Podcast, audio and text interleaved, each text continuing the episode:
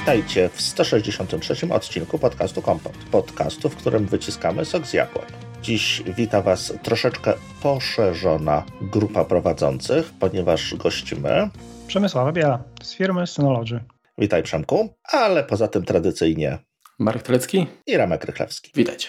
Więc jak słyszycie Przemka, to, to oczywiście od razu domyślacie się, że tematem będzie Synology i, i nowości, które zaprezentowali.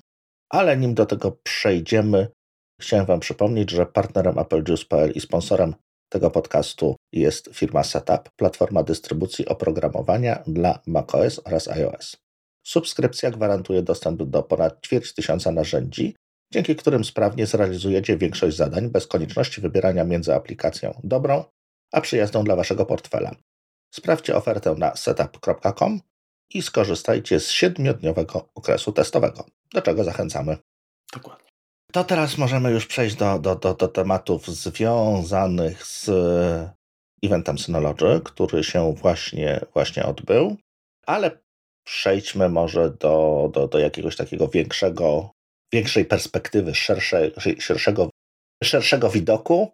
Czy możesz zdradzić, jaki macie jakiś kierunek, cel, gdzie chcecie najwięcej zdziałać na rynku w tym roku? Czyli jaka gałąź produktów, czy sektor rynku, na który chcecie położyć jakiś szczególny nacisk? To chyba nie w tym, a w następnym już właściwie. No w następnym, tak, tak dokładnie. Tak, tak, tak. Co, co nowego szykujecie w 2022? Generalnie rozwijamy się we wszystkich gałęziach i głównym naszym produktem jest, jak zawsze mówiłem, DSM-7, czyli nasz system operacyjny. Plus e, doszły do tego te usługi. W 2022 na pewno będzie rozszerzenie funkcjonalności na każdym szczeblu, bo DSM-7 dał nam taki szkielet do budowy bardzo rozbudowanej infrastruktury, która będzie gdzieś pozwalała i firmom, i, i użytkownikom domowym jeszcze lepiej wykorzystać nasz sprzęt.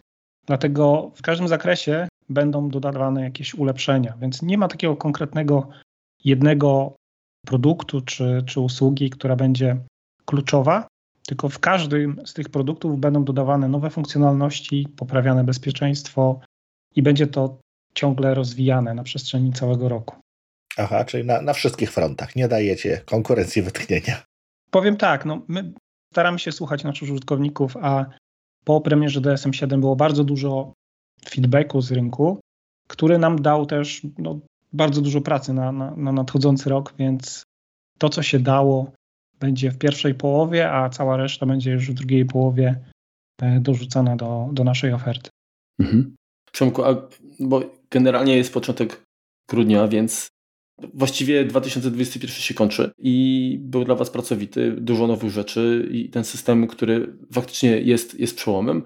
Jak to się odbiło, pomimo tego, że tak naprawdę grudniowa fala zakupów, no jeszcze, jeszcze pewnie przed, przed nami, ale jak to wygląda, jeżeli chodzi o o ruch w interesie, tak? Kolokwialnie mówiąc, czy odczuliście ten rok jak bardzo pozytywnie, bo spodziewam się, że na pewno tak. Ale czy, to, czy wasze oczekiwania zostały jakby przekroczone? Czy właśnie wasza pozycja na rynku IT jeszcze bardziej się ugruntowała? Jak, jak, jak to wygląda? Od kuchni troszkę. To tak, od kuchni zaczynając od fali zakupów, to tak, dla Was się zaczyna, dla nas się praktycznie skończyła, bo, bo sprzedaliśmy wszystko, co mieliśmy e, na stokach. E, Magazyny puste.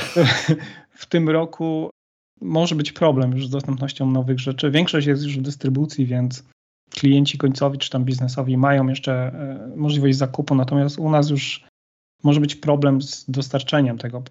Wynika to z dwóch czynników. Dużo większe zapotrzebowanie w tym, w tym roku na taki sprzęt i na nasze rozwiązania którego naprawdę ciężko było przewidzieć, aż tak, takiego dużego wzrostu. A druga sprawa, no globalna sytuacja na rynku podzespołów mhm. i, i tutaj i tak jestem zaskoczony, że udało nam się tyle dostarczyć towarów na rynek, w związku z tym, że no, były różne historie, i to z dostawami, i to z mocami produkcyjnymi w fabrykach, czy y, z prostymi podzespołami, jak nie wiem, e, porty USB, Ostatnio już słyszałem, że samochody są dostarczane bez portów USB. Także przerosło nasze oczekiwania, więc e, jesteśmy bardzo zadowoleni. Myślę, że jeżeli przyszły rok będzie tak dobry, to, to będzie nasza widoczność mocno zaznaczona na rynku. A powiedz, bo tak właśnie wspomniałeś tutaj o tych problemach, jeżeli chodzi właśnie o dostawy komponentów, bo to się odbiło na całej branży, tak? Ale czy również wpłynęło to w w jakimś zakresie na, na ceny waszych produktów? W bardzo małym stopniu. E, mieliśmy chyba dwie sytuacje, e, w których musieliśmy podnieść cenę, bo po prostu e, nasz dostawca nam podniósł z dnia na dzień. Mhm. I o ile Synology ma taką tradycję, że no generalnie my nie zmieniamy cen i ja nie pamiętam na przestrzeni kilku lat, żebyśmy zmieniali ceny, to w tym wypadku no niestety zostaliśmy postawieni przed, przed, pod ścianą i w przypadku na przykład dysków twardych musieliśmy podnieść ceny i w przypadku dwóch modeli na, na ryzenach też cena skoczyła do góry niedużo. Ale to było tyle z, z całego naszego portfolio, tak? No tak jak mój szef kiedyś powiedział, jeżeli chodzi o to, jak się zachowuje rynek w, te, w, tym, w tym, akurat w tym roku, no to to jest tak, że jak jesteśmy przy tej fali, no to niech będzie fala. Jak jest przypływ, no to wszyscy się czują dobrze, tak? Jak jest dobrze, to wszyscy, wszyscy sobie pływają, wszystko jest ok. Natomiast jak jest odpływ, to zaczyna być widać, kto pływał bez majtek. No i tutaj, tutaj wychodzicie jak gdyby najbardziej. No, no widać, że jesteście, jesteście tutaj silni przygotowani i, i tutaj daliście jak najbardziej radę, bo nawet patrząc z drugiej strony po, po, po, na dostępność wśród dystrybutorów, to co ja mogę ewentualnie sprawdzić, to naprawdę było może nie cudownie, tak? No bo tam jakiś czas oczekiwania był, ale były dostawy w miarę płynne. Nie ma, nie ma takiej sytuacji jak y, dokładnie. Całkiem przyzwoicie, tak. Jak z niektórymi vendorami, gdzie ja mam jakiś jeden produkt, który już wiem, że on w 2022 roku w ogóle do mnie nie trafi. Aha. Już na cały rok wiem, że nie trafi. Po prostu nie będzie go dosta- do, nie, nie, ma dostępności zero. I to, I to dość kluczowe jak, jak dla mnie, więc tutaj jest, tutaj jest super. Ale przejdźmy do pytania. Jeśli chodzi o, zacznijmy od dużych, dużych rzeczy, potem przejdziemy do, do może bardziej nas cieka ciekawiących, y, dla nas ciekawszych kwestii, czyli mniejszych. Jeżeli chodzi o większe urządzenia, to zdają się w tych, tych dokumentach, które widzieliśmy, przewijać jakby dwa, dwa słowa: zarządzalność i wydajność, tak? Czyli, czyli na tym będziemy, będziecie się skupiać, czego, czego w tych dużych zabawkach możemy się konkretnie spodziewać. No, rozwijamy się, tak jak mówiłem, na dwóch płaszczyznach, zarówno w kwestii oprogramowania i sprzętu, to musi być ze sobą świetnie zintegrowane. Sprzętowo będą na pewno jakieś nowe, większe urządzenia. Będzie kilka modeli takich bardziej elastycznych z średniej półki. Będą dodane nowe funkcjonalności do tego sprzętu, czyli na przykład też to było rzecz, którą nasi użytkownicy nam zgłaszali. Obsługa takiego protokołu OOB, czyli out of band. To pozwala na zarządzanie sprzętem e, w momencie, kiedy on jeszcze nie ma odpalonego systemu operacyjnego. Czyli można sprawdzić status tego sprzętu i nim zarządzać jeszcze na bardzo niskim poziomie. Mhm. I obsługa tego, tego protokołu już jest w tych nowych naszych urządzeniach e, z, tego, e, z końcówką 22, więc to już jest w DS-ie tym 3622 i 2422. Mhm. Kolejna rzecz, którą też bardzo wielu użytkowników zgłaszało i to też mocno przyspieszy transfery i, i nie tylko w dużych rozwiązaniach, ale nawet w domu, jeżeli ktoś ma możliwość podłączenia urządzenia dwoma kablami i zrobienia bondingu. SMB Multichannel. To jest taki, taki drobiazg generalnie, ale co on daje? W momencie, w tej chwili, jeżeli zrobimy bonding, czyli połączymy sobie dwa gniazdka po dwóch stronach, no to ok. W przypadku, gdy mamy wielu klientów, no to ten transfer jest jakoś tam rozkładany na te dwa. Dokładnie. Tak. Natomiast jeżeli włączymy sobie obsługę multi-channel, to nawet jeżeli jest jeden klient, ten transfer będzie szedł dwoma ścieżkami, więc on będzie e, dużo szybszy niż bez obsługi tego multi-channel. Więc to jest bardzo fajna rzecz i to się przydaje właśnie czy to przy 1 gigabitowych, czy nawet przy 10 gigabitowych łączach, jeżeli ktoś sobie połączy dwie dziesiątki, to, to ma no, bardzo duże transfery wtedy. Fiber Channel, tutaj też e, obsługa e, do coraz większej liczby urządzeń tego protokołu i dużo takich rzeczy właśnie do zarządzania, czyli rozbudowa tego naszego portalu Active Insight do zarządzania całymi flotami, dodanie tam takich zadań jak monitorowanie na przykład zadań backupu, hyper backup przez taki centralny panel w Active Insight przez stronę, mhm. możliwość wrzucania aktualizacji w całej flocie, na przykład serwerów przez ten Active Insight. Czyli taki już naprawdę inteligentny system, który też będzie potrafił przewidywać na przykład nietypowe zachowania i będzie sugerował rozwiązanie, albo jakieś nietypowe loginy na tych urządzeniach, które są podpięte pod Active Insight. Co jeszcze jest ciekawe? Secondary Domain Controller to też w tej chwili DSM-7 się pojawił jako drugi, a teraz będzie możliwość ustawienia go jako na przykład tylko do odczytu. Nie są to jakieś super, tak powiem, rzeczy dla konsumenta interesujące, ale z ciekawych jeszcze myślę, że na pewno obsługa DFS-a, czyli to jest y, Distributed File System przez SMB. Mhm. Pozwala to na spięcie iluś tam serwerów NAS w jeden taki katalog, który jest dostępny pod jednym adresem i w tym momencie pracownik tą firmy nie musi szukać sobie, co jest na jakim serwerze, tylko po prostu ma jedno drzewo i widzi, widzi wszystko e, w jednym miejscu.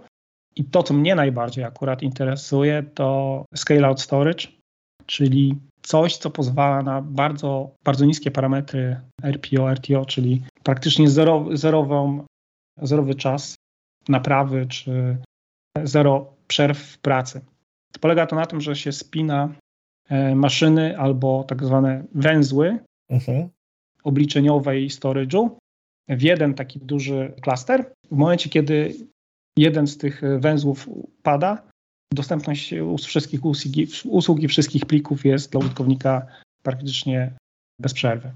To coś takiego też planujemy. Mamy już e, takie urządzenia na labie i myślę, że w przyszłym roku będzie, będzie coś zaprezentowane. Teraz ja od strony, nie od strony sprzętowej, a software'owej, a właściwie chmurowej, bo seria jakby C2 usług e, w chmurze, rozszerzacie to. Tak, my wcześniej wspomnieliśmy, o ile dobrze pamiętam, o C2 Backup i Password. Tak, tak na pewno, tak. Natomiast pojawiły się nowe, takie jak, jak C2 Transfer, C2 Identity. Czy mógłbyś przybliżyć jakby jakie jest przeznaczenie tych, tych nowych usług i aplikacji? Tak, no wrócę tutaj trochę też do tego C2 Backup, mhm. bo zmieniło się trochę rzeczy w tym, w tym pakiecie. Powiększyliśmy ten podstawowy pakiet do 500 giga. Był ten, e, pierwotnie na 300 i będzie też możliwość kupienia tego normalnie w sklepie jako licencji i po prostu uruchomienia sobie. To jest też fajne, bo wiele firm będzie mogło, czy tam użytkowników końcowych sobie kupić ten backup po prostu klikając gdzieś tam. Czyli, czyli to 500, to 500 giga będzie jakby y, nieodpłatnie dla każdego? Nie, nie, no to trzeba będzie kupić, ale będziesz mógł sobie kupić, będziesz mógł sobie kupić licencję, subskrypcję na rok, mhm. taki fizyczny produkt w sklepie swoim ulubionym, tak? Niekoniecznie przez stronę Synology, to jest ta zmiana. Natomiast odnośnie tych nowych usług, to tak, C2 Transfer to jest tak jakby wydzielona usługa, która jest zawarta w C2 Password, tylko że przeznaczona do biznesu. Bo w C2 Password jest taka usługa udostępniania bezpiecznego plików, natomiast tutaj jest to wydzielone i jest to zrobione na trochę innym poziomie i do innego klienta skierowany. Jest też plan biznesowy. Co ten C2 Transfer robi?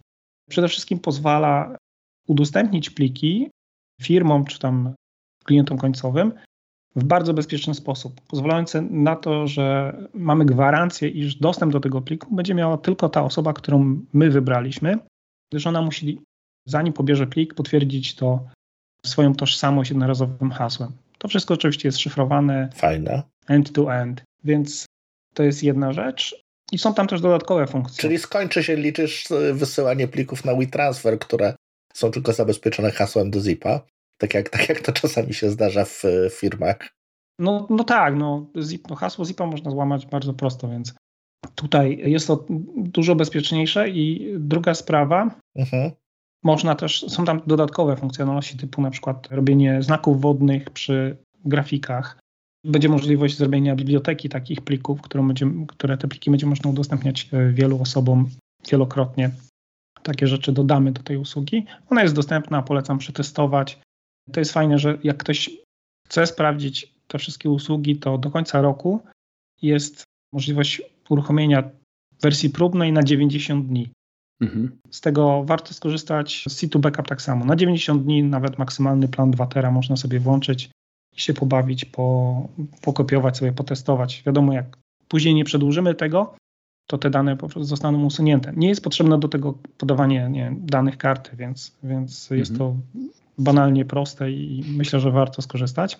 I Situ Identity to jest taka usługa katalogowa, jak nasz e, Synology Directory Server albo jak odpowiednik e, Microsoft Active Directory. Mhm. Z tym, że ona działa w chmurze, więc pozwala na dużo bardziej elastyczną mm, autentykację czy kontrolę nad urządzeniami, przydzielanie uprawnień, czy logowanie się do usług chmurowych w rozproszonych środowiskach, bo to wszystko jest w chmurze, więc jak się logujemy, to, to logujemy się na konto Situ i ono służy do autentykacji nas do naszego na przykład komputera czy do usługi Microsoft 365. Żeby to działało jeszcze y, sprawniej, na przykład bez dostępu do internetu, można sobie lokalnie y, postawić serwer LDAP, który będzie tak jakby cachem do, tego, do tej usługi. Mhm, Okej, okay, dobrze, to ja jeszcze mam właściwie dwa pytanka, tak już y, w tym, w tym temacie, w którym się obracamy. Jedno oczywiście o C2 Password, bo nie ukrywam, że, że już korzystam od jakiegoś czasu, ale jest element, który, którego mi brak, czyli zwyczajnie aplikacja na iOS-a. Z tego co wiem, no, pracujecie nad nią. Natomiast pytanie, czy to jest bardziej wiosna, czy zima 2022? Chciałbym to wiedzieć, bo sam czekam. Jak tylko będę miał możliwość przetestowania, to na pewno się podzielę taką informacją, że ok, testujemy i, i mm-hmm.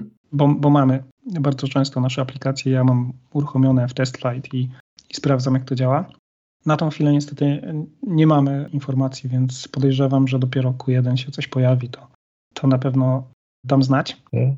A jeżeli chodzi w ogóle jakby o, o, o zmiany, czy coś po, ponad to, co mamy na, na chwilę obecną, dojdzie w, w najbliższym czasie?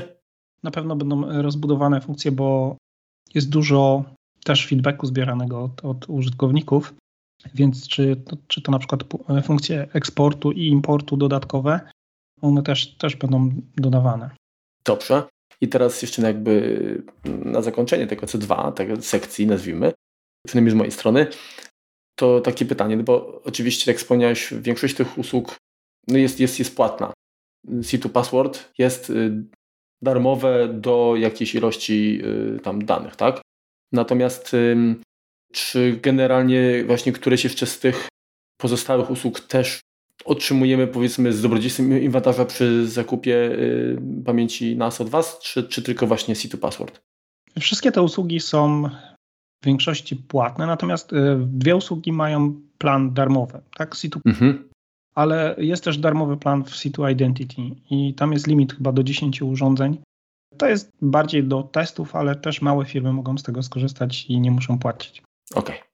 I tutaj do jednego i do drugiego jakby posiadanie NASA nie jest wymagane już, bo te, te, te wasze usługi chyba są raczej agnostyczne, jeśli chodzi o... Generalnie do, do tych usług C2 Password, znaczy C2 takich zewnętrznych oprócz... No nie, nie wszystkie mają sens, tak, oczywiście.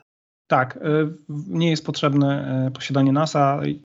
Do tego jest nasz C2 Storage i, i tam rzeczywiście to wspiera uh-huh. serwer NAS i tam są dodatkowe funkcje typu Hybrid Share i tak dalej.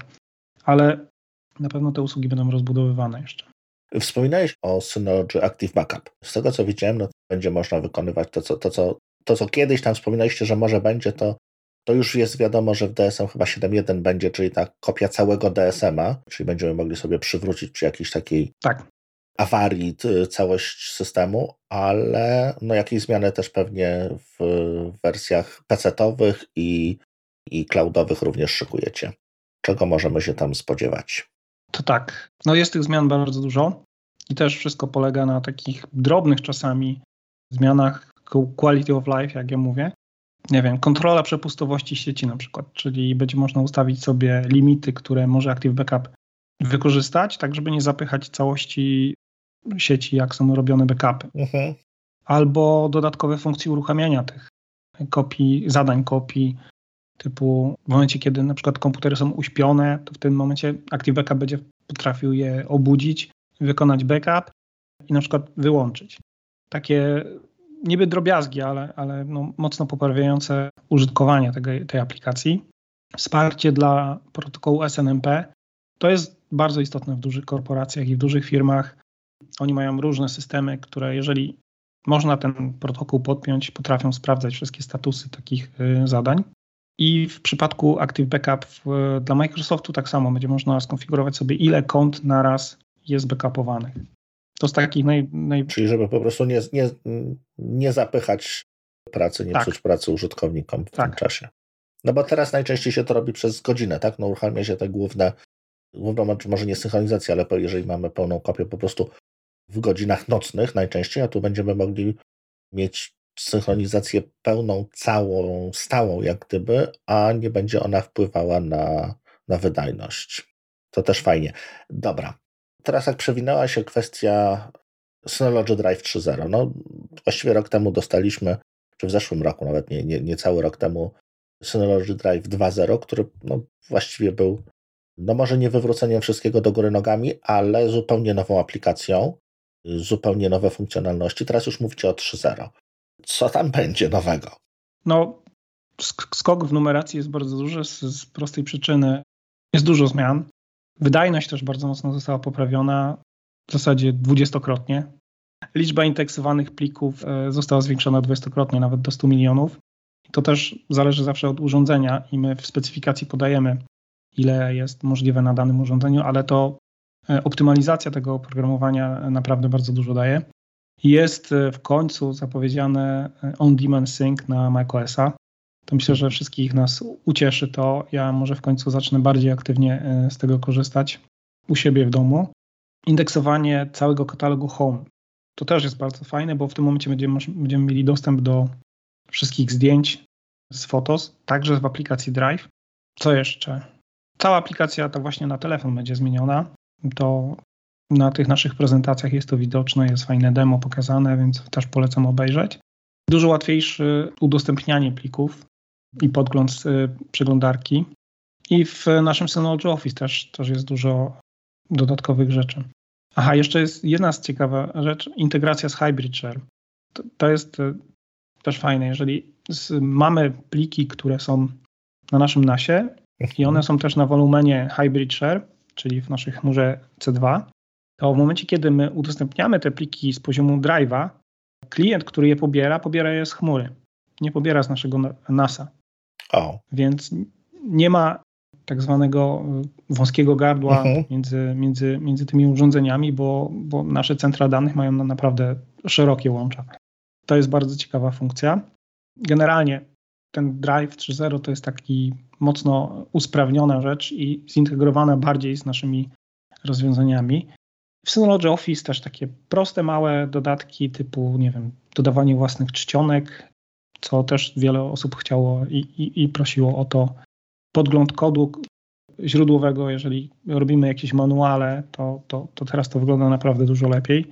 W slajdach w trakcie prezentacji można rysować po slajdach. Też prosta rzecz, ale mhm. no mówię, mocne usprawnienie dla tych, którzy korzystają z tego. Dla mnie na przykład y, bardzo przydatne będą takie proste rzeczy jak usuwanie duplikatów spreadsheet, czyli w tym naszym arkuszu, czy dzielenie tekstu na kolumny przy imporcie z C, CVS. Wystarczy zrobić kopiuj, wklej, dać podziel i, on, i można wybrać sobie separator, czy to jest przecinek, czy to jest spacja, czy tabulator i on sobie fajnie na kolumny to po, mhm. to podzieli. To też jest bardzo fajnie pokazane. No to fajnie, bo rzeczywiście ten Office był taki bardzo, bardzo no, podstawowy, nie? minimalistyczny, tak. A, a powiedz mi właśnie, jak już jesteśmy przy, przy tym Office, czy jakieś elementy, które być może usprawniają y, jakąś taką zdalną pracę, też się pojawiły, taką, no wiesz, jak teraz pracujemy remote często, to czy, czy coś, y, jakieś dodatkowe funkcjonalności typowo związane z tym do, do tego Office'a zostały dodane, czy będą dodane? Takie naprawdę drobiazgi właśnie, które poprawiają pracę, ale mhm.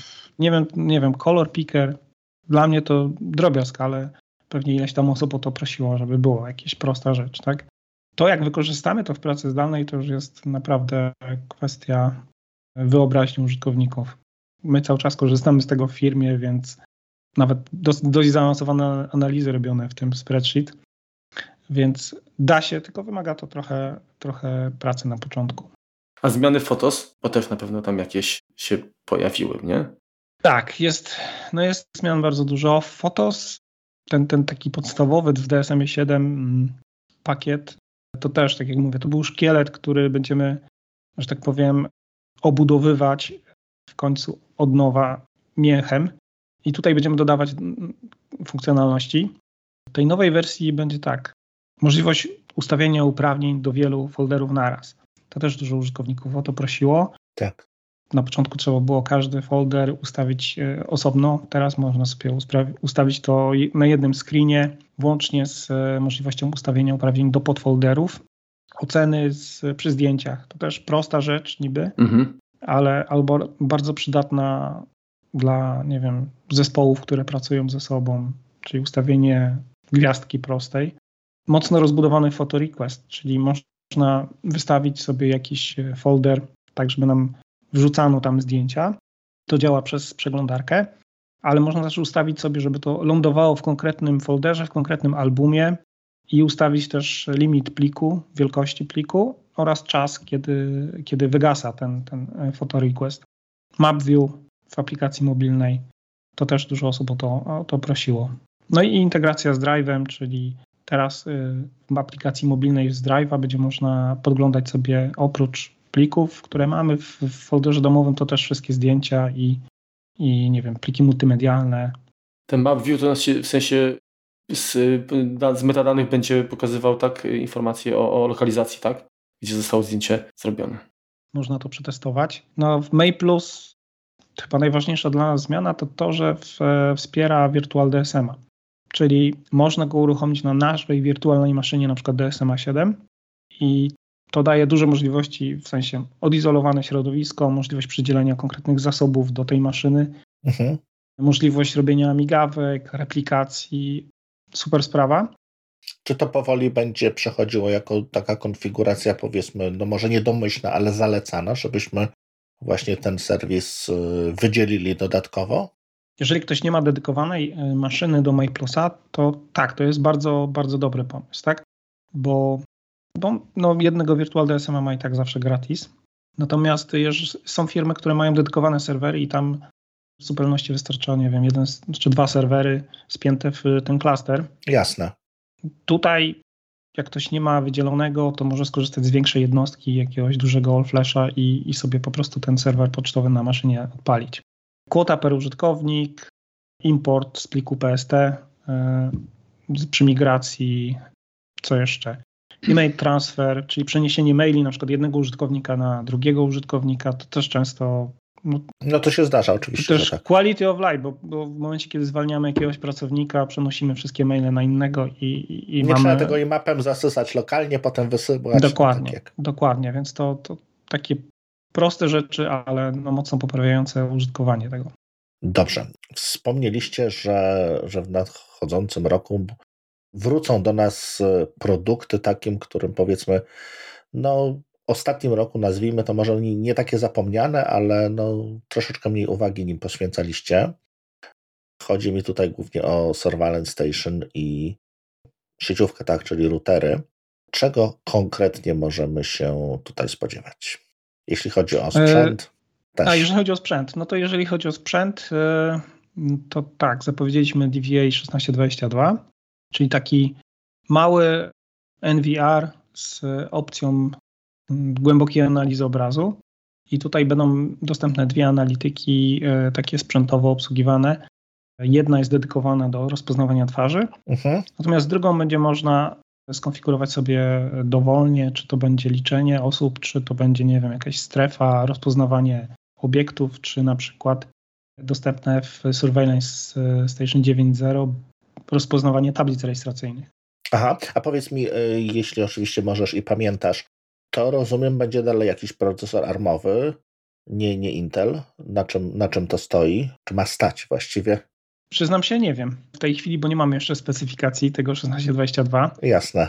Zakładam, że będzie tam jakaś, y, jakiś albo procesor z układem graficznym mocniejszym, mhm. albo bardzo mocny procesor, ale zakładam, że pewnie coś z jakimś graficznym mocniejszym, bo do tej analityki jest, jest to wymagane. Mhm. A jak już jesteśmy przy, przy tym urządzeniu, bo ono wygląda de facto jak troszeczkę jak 720, to, to jest w ogóle następca takiego starszego modelu NVR 1218, zdaje się. I ile, ile w stosunku do tego poprzedniego, ile kamer będzie mógł obsłużyć? Ten będzie obsługiwał mm, do 16, tak? No tak jak nazwa wskazuje w sumie. Mhm, mhm. Czyli o 4 więcej wynikałoby. Mhm. A coś jeszcze? Y, poza oczywiście prędkością? Nie, no w, w, tym urządzeniu y, jest jeszcze dużo, że tak powiem. Niewiadomych. Tak, tak. Jak będę miał pełną specyfikację, to będzie można. No właśnie, a ta premiera na, na kiedy jest planowana? Tak, tak mniej więcej?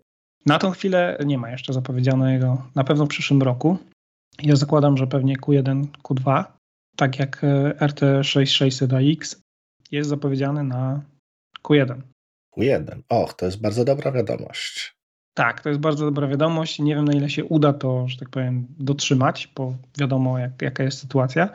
Natomiast zarówno RT6600, jak i SRM 1.3 mhm. są zapowiedziane na, na Q1. No dobrze, powiedziałeś mhm. RT6600, może nasi słuchacze nie będą wiedzieli o co chodzi. Tutaj Marek widzę, bardzo się cieszy. Ba.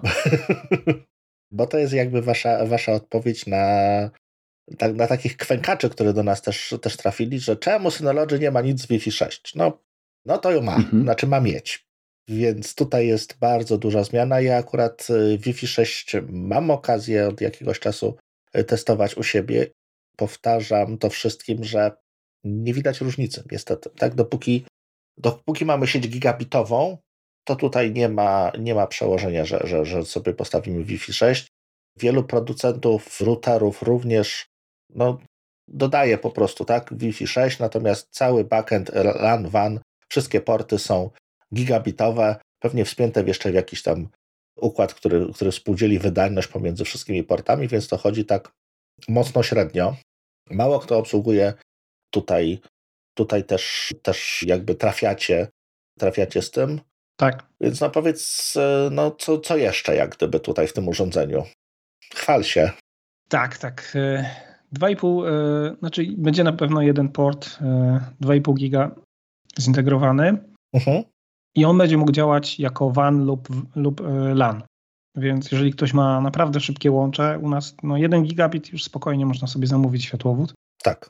Nie wiem, czy są większe w tej chwili. Więcej chyba trudno, znaczy na, pewno się da, ale to już. Myślę, że się to pojawią. Są jakby specjalne, tak. Tak, myślę, że się pojawią, ale ten port będzie można użyć w różnych celach, na przykład jako tak zwany backhaul przy meszu robionym po kablu, czyli łączy dołączenia dwóch naszych routerów. Mhm. Wtedy jest dużo większa przepustowość na takim e, połączeniu. Albo no, można też zrobić dual vana i wtedy jeden będzie szybszy, drugi wolniejszy i sobie korzystać z dwóch dostawców. Co jeszcze? W końcu będzie możliwość montażu tego urządzenia na ścianie. To wiem, że drobiazg, ale bardzo dużo osób o to, o to prosiło. No bo ono jest dość masywne, więc to też. Tak, ale no, dużo osób wykorzystywało go w firmach i tam taki montaż jest no, jednak w większości przypadków niezbędny. Bardzo dużo zmian wniesie y, ten SRM 1.3. A Przemku, to za chwilkę, za chwilkę Cię o to wypytam. Ale chciałem jeszcze y, od strony sprzętowej, bo wspomniałeś o, o łączeniu routerów. Do tej pory to było tak, że mając na przykład RT2600 AC, można było dokupić sobie bodajże tam chyba do 6 albo nawet jeszcze większą ilość MR 2200 i połączyć no, żeby, z zachowaniem jakby najwię, największej wydajności również po, po, po kabelku, tak? Co prawda Switch pozwala na wpięcie, no niestety tylko czterech urządzeń tak naprawdę. No ale można podłączyć e, dodatkowy. No ale można powiedzmy dodatkowy Switch i, i, i już. I teraz tak, na pewno ten router, jak, jak się domyślam, będzie współpracował z tymi poprzednimi modelami też. Na początku będzie można zrobić e, mesha tylko na modelach RT6600AX. Aha. Obsługa tych poprzednich modeli dojdzie po jakimś tam czasie. Czyli jeżeli mamy teraz któryś z tych starych, to go nie wyrzucać, odłożyć na półkę, przyda się mhm. za, nie wiem, rok, pół roku, jak, jak, jak się uda wam zrobić mesha. Tak, do mesha. No jeżeli chcemy, zawsze możemy go użyć jako APK, więc to, to nie jest problem. Przy ściśle meszu, meszu to będzie obsługiwane dopiero później. 6600 będzie można spiąć razem zarówno po Wi-Fi, jak i po kablu, gdyż on będzie miał trzy radia, tak jak, jak 2200 w tej chwili. Uh-huh. Więc jeden będzie można dedykować jak tak zwany backhaul i dwa będą dostępne dla użytkowników. Co jeszcze? No ze sprzętu, no obsługa tego 5900, nie wiem na ile to jest w Polsce przydatne i będzie przydatne. Wiem, że to jest dozwolone w Stanach, mhm. ale to ale, zobaczymy. Aha, ale generalnie tak jak, jak, tak jak wspomniałem, do 2600 można było 2200 jako, jako taki powiedzmy tańszą wersję, taką już dedykowany jak, jak na rozszerzenie tej sieci. Czyli tutaj nie ma planów na to, że będzie jakiś MR 6000 tam powiedzmy AX, jakieś dodatkowe jeszcze urządzenie na chwilę obecną. Będzie, będzie. Co najmniej jedno urządzenie, które będzie w trochę inną półkę cenową celowało, bo ten RT6600 to będzie flagowiec i na pewno będzie co najmniej jedno urządzenie, które będzie y, y, tańsze. Okej. Okay. Dobrze, to teraz y, powiedz, no bo ten SRM Powiem szczerze, ja, ja, bardzo lubię wasze systemy. W tej chwili to co, mi, to, co mi najbardziej przeszkadza, to to, że DSM 7 jest taki przejrzysty, taki nowoczesny, a ten SRM taki troszeczkę zeszłej epoki. Oczywiście przesadzam, ale y, czy 1.3, wersja 1.3 przyniesie również y, zmianę mm, w interfejsie, czy jednak nie? No bo w tej chwili mamy 1.2.5, więc chyba, chyba nie, jednak nie. Nie, nie. Tutaj zmiany są bardziej e, funkcjonalne niż kosmetyczne. Backend ten taki webowy zostaje taki sam. Z prostej przyczyny on jest e, zoptymalizowany pod procesory o mniejszej wydajności niż takie, które są w NASach. Mm -hmm. I on dużo mniej zasobów pochłania, więc, więc na tą chwilę jest to, jest to rozsądne wyjście. Natomiast zmiany, które będą tak jakby pod, pod maską, to między innymi obsługa VLANów, o które tyle osób pytało i i to pozwoli na bardzo fajną izolację pewnych sieci, obsługa iluś tam SSID. W przypadku tego RT6600AX to będzie do maksymalnie. 5 chyba. Tak, ale w momencie, kiedy wyłączymy sobie z e, Smart Connecta, mhm.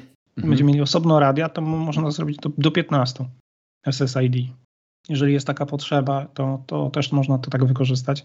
Ja u siebie na przykład w domu tego MRA 2200 wykorzystuję w ten sposób, że mam trzy radia i osobne SSID, więc dla siebie tylko 5 giga, a żona ma dla siebie tylko 5 giga, więc mhm. no.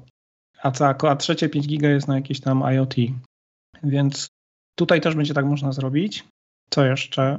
No chyba tyle z, z tych nowości, bo, bo mówię, o, najbardziej najczęściej pytano o ten VLAN i w końcu, w końcu to będzie w tym 1.3.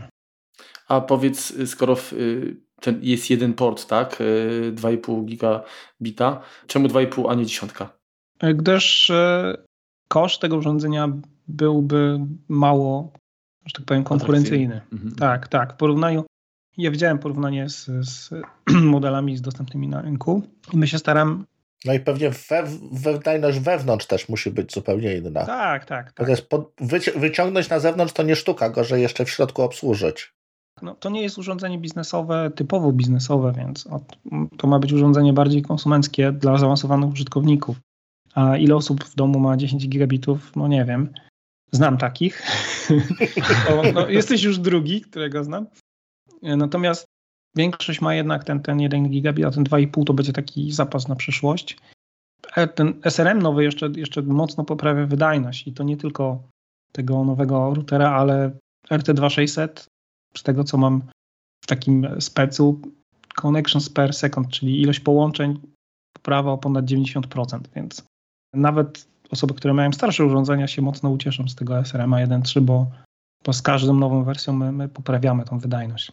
A jeszcze, jeszcze chciałem tylko y, już na zakończenie, jeżeli chodzi o ten 2,5 giga, czy można się spodziewać, że również y, w większości tych takich nowych konsumenckich modeli yy, pamięci NAS też yy, taki interfejs zacznie się pojawiać? czy jednak nie? Ja bym bardzo chciał. Nie jest to jeszcze tak powszechne złącze, jakie bym chciał. Patrzyłem jakieś w tamtym tygodniu na, na, na Switcha 2,5. No i jednak to jeszcze trochę pieniędzy kosztuje. Mhm. Oj tak. Prawie taka ósemka, prawie tyle co, co ten router za Switcha i prawie tyle co, co nasz najtańszy NAS. Więc y, gdybyśmy chcieli to zintegrować, to pewnie mocno by podniosło koszty y, samych urządzeń. Na pewno się w pewnych jakichś modelach po, pojawią te, te porty, ale na tą chwilę nie mam, nie widziałem takich specyfikacji, więc nie jestem w stanie potwierdzić. Czyli pewnie te 922 to tak, a 222 może niekoniecznie. To, to, to jest moje zdanie, tak jak, tak jak może. Ja, te, tak ja też, ja te, tak, też bym tak to widział, bo, bo to ma sens, że tak powiem, finansowy, tak, dla, dla mhm. użytkownika. To już tak powoli, powoli kończąc, bo tam wspomniałem, wspomniałem też, też, czy ty wspomniałeś chwilkę y, temu o, o Surveillance Station, no bo jakby to był taki też jeden z tych wielkich nieobecnych zeszłej, zeszłorocznej konferencji, tak? Nic się, o tym, nic się o tym nie działo, nic się o tym nie mówiło. To tutaj jakby dużych zmian w interfejsie jakby nie widać tego. Znaczy on jest oczywiście troszkę bardziej przejrzysty, ale rozumiem, że duże zmiany pod maską, więc się musiały pojawić, skoro zdecydowaliście się podwyższyć numerek. Co, co to może być, czego możemy się spodziewać? To tak, jeżeli chodzi o interfejs, to będzie duża zmiana. Będzie e, zintegrowany w jednym oknie i nagrania, i podgląd z kamer. Więc będzie można sobie w jednym oknie e, sprawdzać no tak. podgląd e, na żywo oraz nagrania. To będzie w takim centralnym. To mocno też ułatwi pracę. I dużo pod maską rzeczywiście rzeczy, na przykład konfigurację wielu kamer w trybie, w trybie batch, czyli można sobie wybrać te kamery, ustawić do każdej parametry i zintegrować je jednym kliknięciem, albo importy ustawień z pliku też do różnych kamer e, w trybie batch, ulepszone mapy pomieszczeń, też obsługa e, budynków wielopiętrowych e, z obsługą tych map, obsługa lokalizacji zdalnych budynków i też z integracją z Google Maps czy OpenStreetMap. Aha. Co jeszcze ciekawe, oczywiście możliwość szyfrowania nagrań, to też jest fajna rzecz. Privacy mask, czyli takie maski na, na pomieszczeniach. Można wydzielić sobie obszar, który nie, nie ma być nagrywany. To się przydaje przy bardzo szerokich na, e, kamerach z bardzo szerokimi obiektywami. Czasami są, one obejmują po prostu bardzo dużą część, na przykład, nie wiem, toalety albo coś takiego. No tak, tak. I to można sobie po prostu zamaskować i, i tego nie będzie widać na nagraniach. Albo miejsce na przykład, gdzie są te y, kody no, do, do, przy drzwiach do otwierania, tak? A myślałem, że myślicie o tych whiteboardach, gdzie tam w rogu jest napisane hasło do systemu. Nie, to, to wiadomo, że każdy przykleja naklejkę na monitor, więc to ta też będzie można zasłonić. Mm, znaki wodne w nagraniach i to, co bardzo ciekawe, moim zdaniem, dual recording, czyli możliwość zapisywania, e, rejestrowania e, wideo zarówno na NASA, jak i do chmury C2. I to też będzie usługa oczywiście płatna. Jasne. E, będą jakieś dwa plany cenowe. Natomiast dla wielu firm jest to bardzo istotne, bo w przypadku takich wypadków jak, nie wiem, zalanie, powódź, pożar, to no, często te nagrania po prostu giną. W tym momencie one będą dostępne z poziomu C2 Storage. Można sobie wejść na portal i przeglądać te nagranie i oglądać. Oczywiście wszystko szyfrowane end-to-end, więc, więc e, tylko osoba, która ma klucz e, do tego będzie mogła, mogła to podejrzeć. I obsługa tych e, tablic rejestracyjnych, czyli w nowym DVA-u i w tych wcześniejszych wersjach będzie dzięki temu Surveillance 9.0 możliwość uruchomienia analityki do rozpoznawania tablic rejestracyjnych. Tutaj mam taką notkę, że to będzie dostępne w wybranych regionach na początku, więc nie wiem, czy na dzień dobry będzie w Polsce. Mam nadzieję, że tak. Bo u nas bardzo dużo osób to zgłaszało. Pewnie chodzi też o jakiś tam, żeby ta sztuczna inteligencja potrafiła daną tablicę. No jak myślę, że będzie działało w Europie, to będzie, chyba że są jeszcze jakieś ograniczenia prawne, to o czym też możemy nie wiedzieć. No właśnie, no właśnie, Michał, właśnie, kwestia ograniczeń prawnych mi się wydaje, że to jest większy problem niż, niż sama technologia. Jasne. To już tak całkiem, całkiem na koniec. To z jednej strony pochwała, jeśli chodzi o bezpieczeństwo, bo jakby się tym konkretnie jakby nie, nie chwaliliście, przynajmniej ja na to nie trafiłem, ale udało mi się gdzieś tam wyczytać w tak zwanych internetach, że wasze urządzenia brały udział w różnych konferencjach hakerskich. Pierwsza to był Tianfu Cup, Tianfu Cup 2021, czyli to jest taki pawn to own y, dla Chińczyków. Tak, Chiny stwierdziły, że, że one nie chcą mhm żeby ich e, hakerzy występowali na tych konferencjach gdzieś na zewnątrz, więc stworzyli taką swoją. Polega no to na tym, że firmy jakby dają sprzęt i mówią, chłopaki, macie teraz tutaj, nie wiem, 24 godziny, każdy tam ma ileś tam czasu, żeby się na niego włamać. I na tym Tianfu.com e, jako jeden z nielicznych urządzeń, które jakby zostało nie, nie, nie schakowane. Wszystkie tam iPhony, Windowsy, Maci, tam Safari, różne przeglądarki, wszystko poległo. Natomiast Synology DS2020J, mhm. nikt się tym nie zajął, wytrzymało, wytrzymało, nikt się nie włamał. No i historia się jak gdyby powtórzyła później w prawdziwym Pound to Own w Austin w tym roku i to był w tym momencie DS 920. Tutaj wielka pochwała. No i jak wam się to udało osiągnąć, tak? Może też pytanie przy okazji. Wiesz co, ja, ja sam nie byłem świadom, jak dużo zmian było zrobionych pod maską, jeżeli chodzi o bezpieczeństwo w DSM-7. 7.1 to jest No jeszcze... bo to koniec końców jest Linux, tak? Tam Linuxa się włamują, a do tak. nas nie. No czemu? Tak, no właśnie kwestia, jak się do tego podejdzie, bo okej, okay, my korzystamy z y, oprogramowania open source i to czasem dużymi garściami, natomiast w naszym przypadku my mamy pełną kontrolę nad tym i, i tutaj całe procedury w firmie zostały zmienione i opracowane pod tym kątem, żeby rozwój naszego systemu i naszego oprogramowania był ściśle kontrolowany. Więc procedury, które pokazują nam dokładnie, jaki pakiet open source czy nasz jest robiony, jakie ma zależności od jakich pakietów, jakie mhm. te zależności mają zależności od jakich pakietów. Więc jest cała ścieżka opracowana i jest to bardzo przejrzyste. W tym momencie na każdym kroku wiemy, że jeżeli tu została jakaś zmiana, to ma to wpływ na to, to, to i to.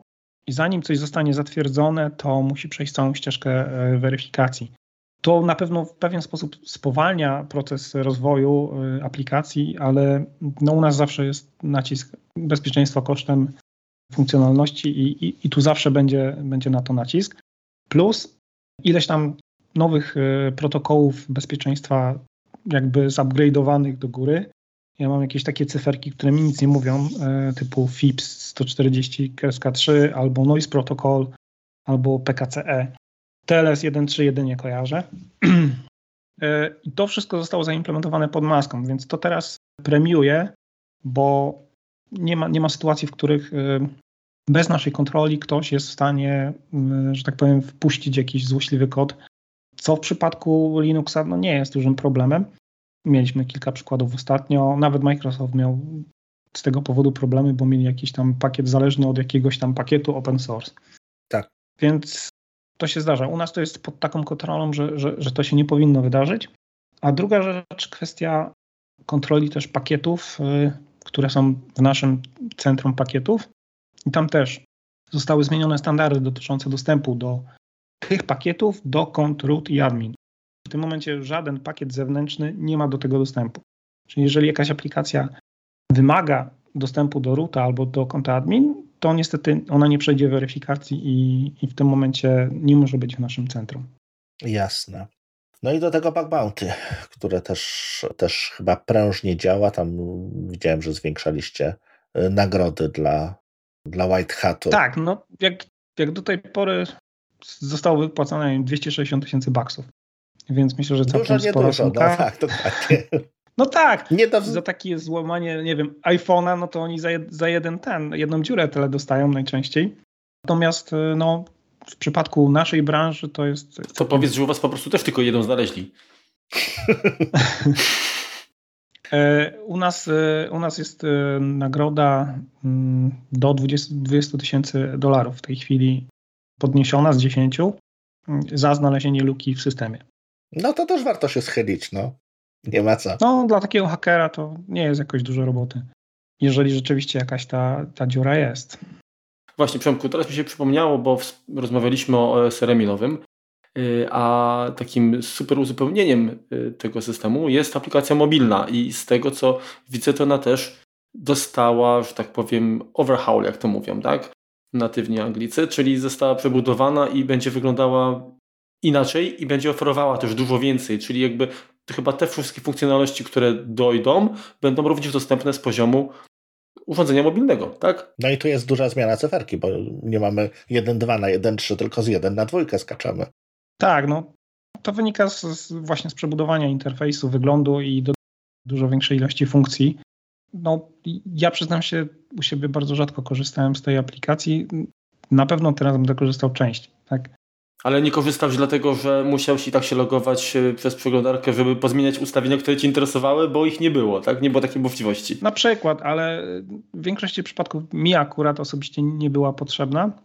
Natomiast e, pewnie z tym nowym routerem e, i, i z nowymi funkcjami zacznę z niej częściej korzystać. Na pewno będziemy wracać do, do tematów związanych z Synology jeszcze dość często, bo się na pewno jak tylko, jak tylko się pojawi, to od razu się może zapiszemy to. Ja zapiszę Marka, tak? bo Marek taki wstydliwy, ale Marka zapisze, że on, jak tylko będziecie mieli jakiś egzemplarz testowy, to bardzo chętnie mhm.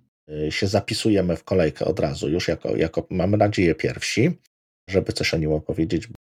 No czekamy, no i wiem, że też, też po swoich tam kolegach, klientach, którzy no kupiłbym, tak, no ale wiesz, no tutaj jednak ten, ten Wi-Fi stary, no i to czteroletni model, no to co za czteroletni model? Nieważne, że aktualizowany jeszcze będzie tam, nie wiem, kilka, kilka ładnych lat, a nowość, która leży obok y, na, w markecie, ma ten firmware, z którym wyszła, ale no niestety, no, niestety no, tego to, się nie przeskoczy, niestety, percepcji tak. ludzkiej się nie, nie przeskoczy tutaj. A, a, a właśnie, a jeżeli chodzi o, o, o ten router, y, czy on jakby zastąpi Y, że 2600 y, wypadnie z oferty, czy on jeszcze przez jakiś czas y, będzie do kupienia?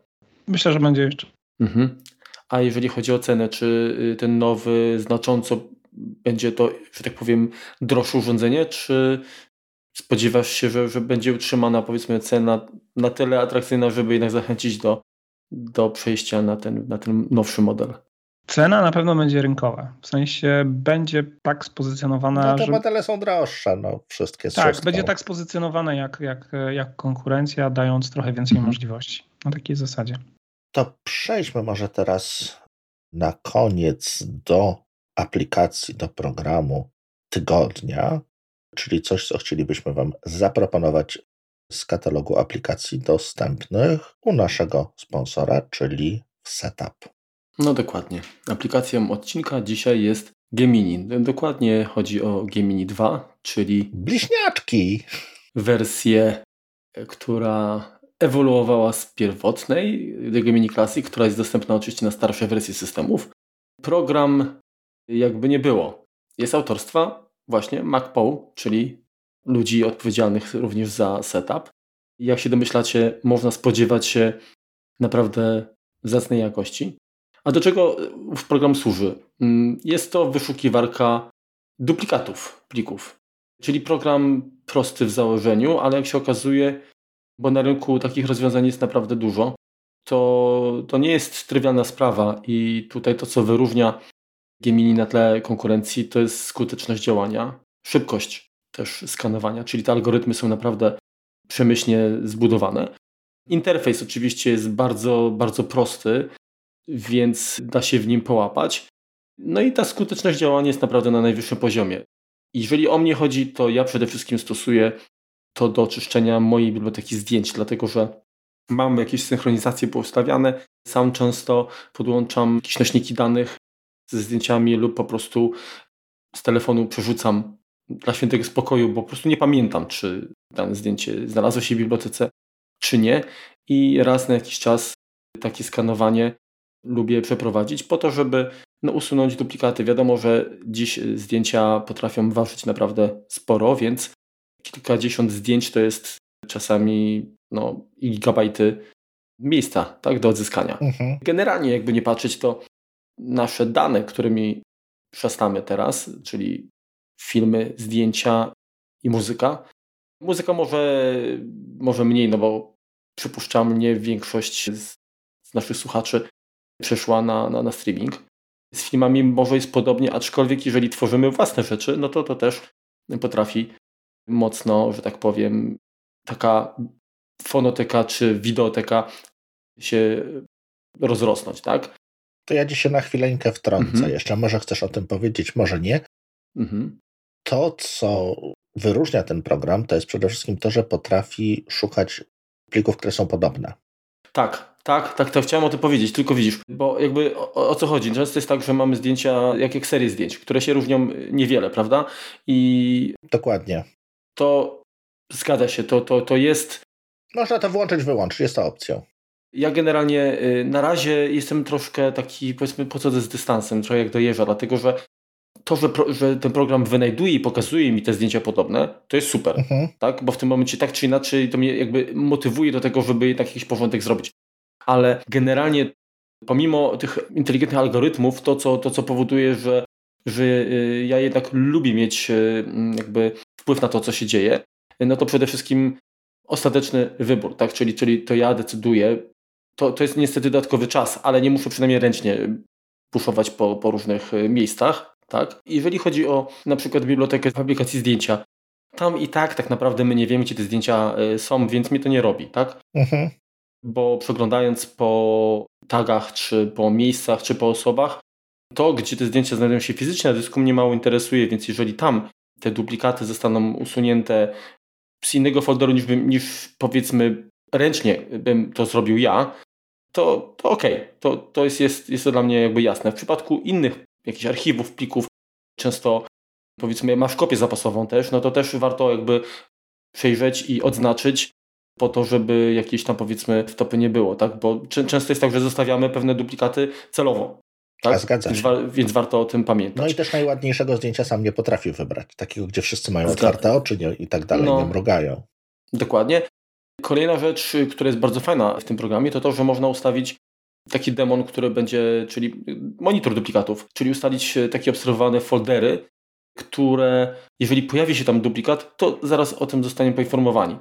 Czyli często jest tak, że do folderu pobrane trafiają duplikaty, bo nie wiem, klikniesz na przykład dwa, trzy razy w link, myślisz, że tam powiedzmy, nie wiem, kwestia łącza, było jakieś spowolnienie mhm. i, trzy razy ci się to pobierze, to z automatu dostajesz, dostaniesz taką informację yy, i, i, można to szybciutko oczyścić, więc to jest bardzo fajna sprawa. Bardzo, bardzo mi się to podoba i powiem szczerze, zawsze człowiek ma takie, takie, takie, taką obawę, nie? Czy, czy można takim programom zaufać? I to jest właściwie chyba jedyny program, któremu nie boję się zaufać i jak na razie nie było sytuacji, na której, że tak powiem, bym żałował, że powierzyłem jakąś tam decyzję. Natomiast tak mówię, to, że mamy możliwość podglądu, to jest plus i to, że te zdjęcia często, jeżeli, jeżeli mówimy o zdjęciach, tak, to one trafiają mhm. i tak i tak najpierw do, do folderu ostatnio usunięte, gdzie one jeszcze tam chyba miesiąc będą czekać jeżeli nie, nie zdejmiesz decyzji, to dopiero wtedy zostaną faktycznie usunięte. Także jest jeszcze jakiś, jakiś bufor, można wrócić do tego skanowania, przejrzeć, jeżeli zdjęcia nie są usunięte, przywrócić je w to miejsce, więc jest troszeczkę takiego, takiego takie andu jeszcze, takiego zabezpieczenia jeszcze troszeczkę mamy. Dokładnie. Też wspominałeś jeszcze o prędkości i tutaj może troszeczkę wejdźmy w szczegóły, tak? No, łatwo sobie, żeby znaleźć duplikat, no to przede wszystkim ten plik musi mieć tą samą długość, tak? Czyli możemy najszybciej sprawdzić, tak? No to wystarczy, że przelecimy sobie wszystkie pliki, ułożymy je sobie długością i no i będziemy się zajmować tylko te, które mają różną długość, to znaczy tą samą długość między sobą, tak? No bo mhm. to są potencjalnie... No oczywiście znacznik, znacznik czasu. Ale nie, no znacznik czasu może być inny w innym momencie utworzony plik, a zawartość ta sama. To jest jednak w tym. Tak, ale mamy, mamy, mamy różne. Jest, jest, jest plik y, data utworzenia, y, data modyfikacji, tak? Ale nas interesuje tylko wielkość. Mhm. Data utworzenia czy, czy, czy modyfikacji zupełnie nas nie interesuje, bo to nie ma wpływu na zawartość. Chodzi nam o wyszukanie zawartości, która jest taka sama. Tak możesz dzisiaj napisać alamakota w pliku tekstowym i jutro to samo zrobić, no i to będzie duplikat. Mimo, że to będą dwa różne pliki, w różnym czasie utworzone, czy nawet przez różne osoby. Liczy się zawartość. Okej, okay, ale tak samo możesz mieć dwa y, różne pliki o tak i identycznej wielkości. Dokładnie. Więc teraz. Z różną zawartością, może być muzyczny i graficzny, ale oba będą miały dokładnie taką samą co do bajta wielkość. Oczywiście. I teraz tak, takie, to jest jakby pierwsza selekcja, którą, którą program musi wykonać. Druga to już porównać te, które rzeczywiście mają tą samą długość, bo one są potencjalnie, potencjalnie takie same. I tutaj jest właśnie siła e, Gemini, w momencie, kiedy przeglądasz dużo plików, które mają tą samą wielkość, na przykład są to, nie wiem, romy do NESa, Nintendo Entertainment System, których jest tam kilka tysięcy. Jak się ściągnie archiwa, one mają standardową długość, tak? 4-2 kilobajty, tam 8, tak? Zawsze jest to ta sama wielkość. I mamy setki, tysiące plików, które mają tą samą wielkość. I tutaj jest właśnie Gemini pokazuje, co potrafi, bo rzeczywiście jest w stanie to porównać szybko nie porównuje każdego pliku ze sobą, tylko liczy sumy kontrolne i, i rzeczywiście jest zauważalnie dużo, dużo szybciej niż jakimiś innymi aplikacjami, które sprawdzałem. No właśnie, a w sytuacji, kiedy, tak jak mówisz, mamy identyczną wielkość, to te sumy kontrolne opierają się na zawartości, że on jest w stanie jakby sprawdzić, czy. Co do bitu. Czy, no bo. Tak. Y, co, no, okay, co, no właśnie, co do bitu, nie? W sensie wielkość to jedno, ale zawartość też. Tak. Tak, oczywiście. Tak, no właśnie, bo, bo, bo, można byłoby tak pomyśleć, tak? Bierzemy tylko, nie wiem, plik, ten jest 5 KB i ten jest 5 KB, są takie same. No ale to, to wcale nie musi być prawda, nie? Oczywiście. Więc, więc tutaj ta, ta zawartość musi być też weryfikowana i, i, i te sumy kontrolne za to odpowiadają. Także polecam, zresztą myślę, że również. Jak najbardziej. Program normalnie kosztuje chyba około 20 dolarów, natomiast oczywiście w, w pakiecie razem z wszystkimi aplikacjami, które znajdują się w, w katalogu Setup, no, macie możliwość korzystania z tego no, w tej samej cenie, tak? Dokładnie. I oczywiście, jeżeli y, chcielibyście przetestować sam program, to, to można go pobrać w wersji takiej testowej, która pozwala na usunięcie bodajże pół gigabajta jakichś duplikatów. Czy ileś tam plików? Tam jest chyba są dwa, dwa ograniczenia. Mhm. Tak mi się wydaje, ale no to jakby możecie zobaczyć, jak to działa. Bardzo ładnie wygląda y, dodatkowo, tak jak, tak jak wszystkie programy MacPow są dopieszczone graficznie, tak po makowemu wyglądają i rzeczywiście przyjemnie się z nimi pracuje. Dokładnie. Poza tym można ustalić na przykład, które y, pliki katalogi chcemy, czy rodzaje plików, które chcemy ignorować. Tak? Czyli, czyli to nie jest tak, że jesteśmy zmuszeni zdać się jakby y, na, na pełną inteligencję tego programu, ale możemy y, pewne wykluczenia, czyli taką whitelistę nietykalnych plików y, ustalić i, i folderów po to, żeby no, zachować pewne święte miejsce na swoim dysku. Zgadza się. I to tyle. Okay. To jeśli tylko coś ciekawego się pojawi, to, to z jednej strony zapisujemy się na, na wypożyczenie, a jeżeli z czymś sobie nie będziemy w stanie poradzić, to, to zapraszamy Cię również do, do kolejnych kompotów, żeby już o jakimś czymś bardziej konkretnie porozmawiać. Bardzo dziękujemy za wizytę. Tak, ja bardzo dziękuję i też chciałem zapowiedzieć e, tutaj chęć mojego kolegi, jeżeli była taka potrzeba spotkania bardziej technicznego, mhm. to mamy solution inżyniera od, od maja tego roku, więc on też jest w stanie dużo sprawniej wytłumaczyć sprawy techniczne. Więc e, jeżeli będzie taka potrzeba, to też możemy go zaprosić. Super. Dobrze, bardzo dziękujemy. Wam też dziękujemy za, za wysłuchanie tego, tego odcinka. Polecamy się ocenie w iTunes i do usłyszenia za tydzień. Dzięki. Dzięki, do usłyszenia. Na razie, cześć. Trzymajcie się, trzymajcie cześć. się. Cześć. cześć.